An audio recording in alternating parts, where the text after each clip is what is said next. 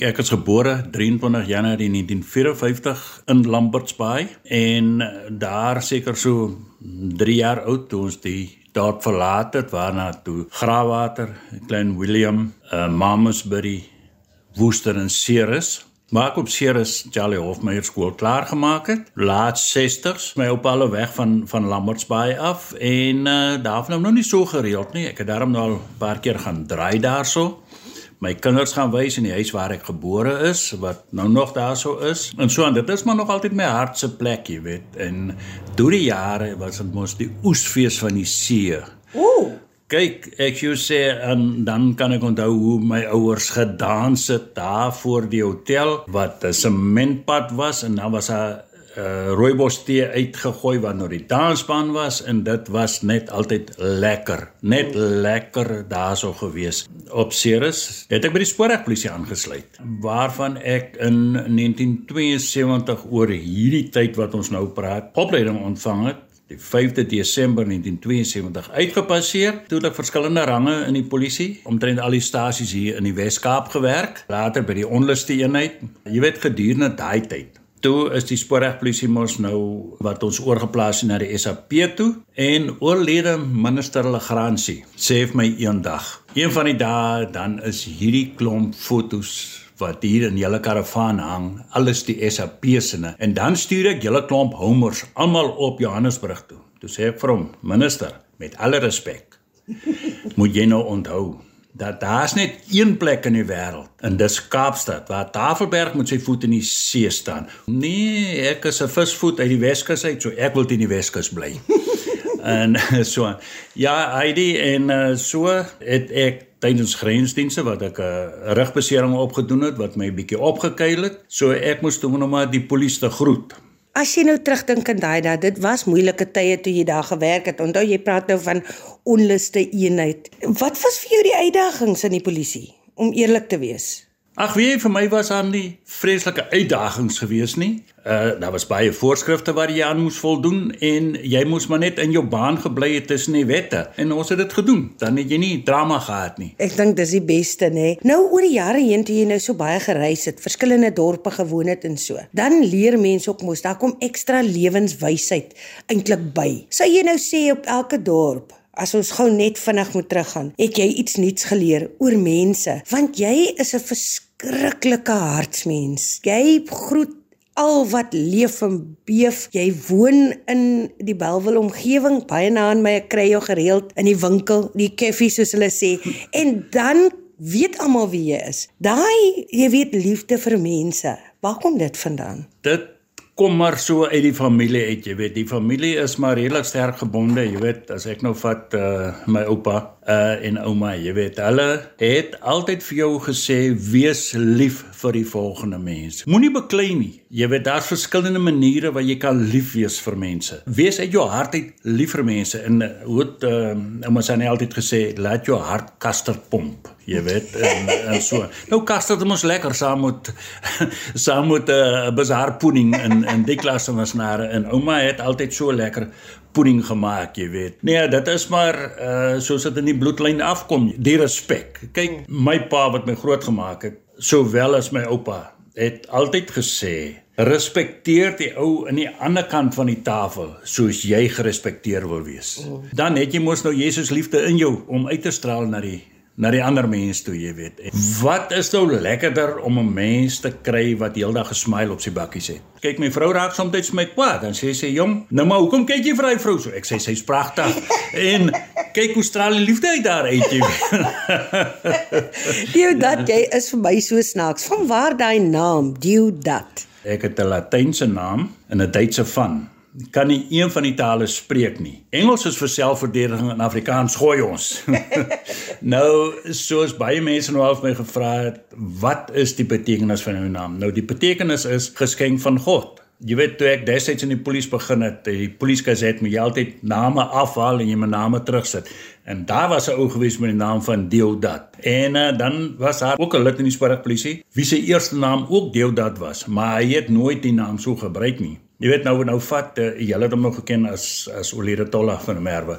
Nou Ters het nooit vir my gesê Deodat nie. Hy het altyd gesê Judat. Ters my naam is Deodat man. OK, ek kan nou nie op die radio sê wat hy altyd gesê het nie, jy weet. Hy sê maar ek sê vir jou so. Dan weet jy wie dit is. het jy en Tolla mekaar geken? Man, ja, ek en hy, kyk, hy was nog so 'n paar jaar ouer as ek gewees, maar ons paas het saam gewerk. So het uh, wat nou Tolla se plek was daar in die garage in Klein Willem waar van die kerk 'n groep gewees het. Willem Ali het daai plek oorgevat en my pa het saam met iemand anders aan 'n garage in Klein Willem oopgemaak, jy weet, en mm. en so. Nou ters het altyd dan as daar nou probleme is op 'n boot of so dan kom hy daar by ons in die werf ingery en sê, "Jong, waar's hom David?" Nee, jy weet mos waar hy sit op 'n Sondag met sy koerante want hy het al wat 'n koerant is op 'n Sondag gekoop en hy het hulle gelees. Dan eh, het Oters maar daar gaan vra om David kom help net gou hierso man, ons wil die enjin aan die gang kry dat ons weer kan verder voortgaan, jy weet. Nou, hoekom het jy hom Ters genoem? Wat was sy naam nou weer? Sy naam was Tertius. O, ja. Tertius, so ja, Ters en dit is soos ons hom geken het. Ek kan nou nie op radio vertel hoe hy die naam aan Tolla gekom het nie, maar uh, dit is ook 'n mooi ander storie gewees. Dio sê gou vir my jou liefde vir karre. Hoe is jy daar betrokke want ek weet jy hou van brullende karre en allerlei tipe van goed. Vertel my gou 'n bietjie daaroor. Kyk, die my pa wat 'n werktuigkundige was en sy belangstelling in motor motorsport en so aan, jy weet. Daai tyd wat ons op Town William gebly het. As jy op 'n Saterdagoggend 'n vreeslike harde klop aan die aan die kamerdeur gehoor, ja pa, dan sê hy luister Kilani sê ek maak 9 uur vanoggend oop. Dan is ek daar. Kom kyk, dan moet vyf kinders en ma agter en te roer. Nou hy het hom altyd so uitgewerk. Kom ons Kilani toe, van Kilani af oor Guru toe, die Stokkars.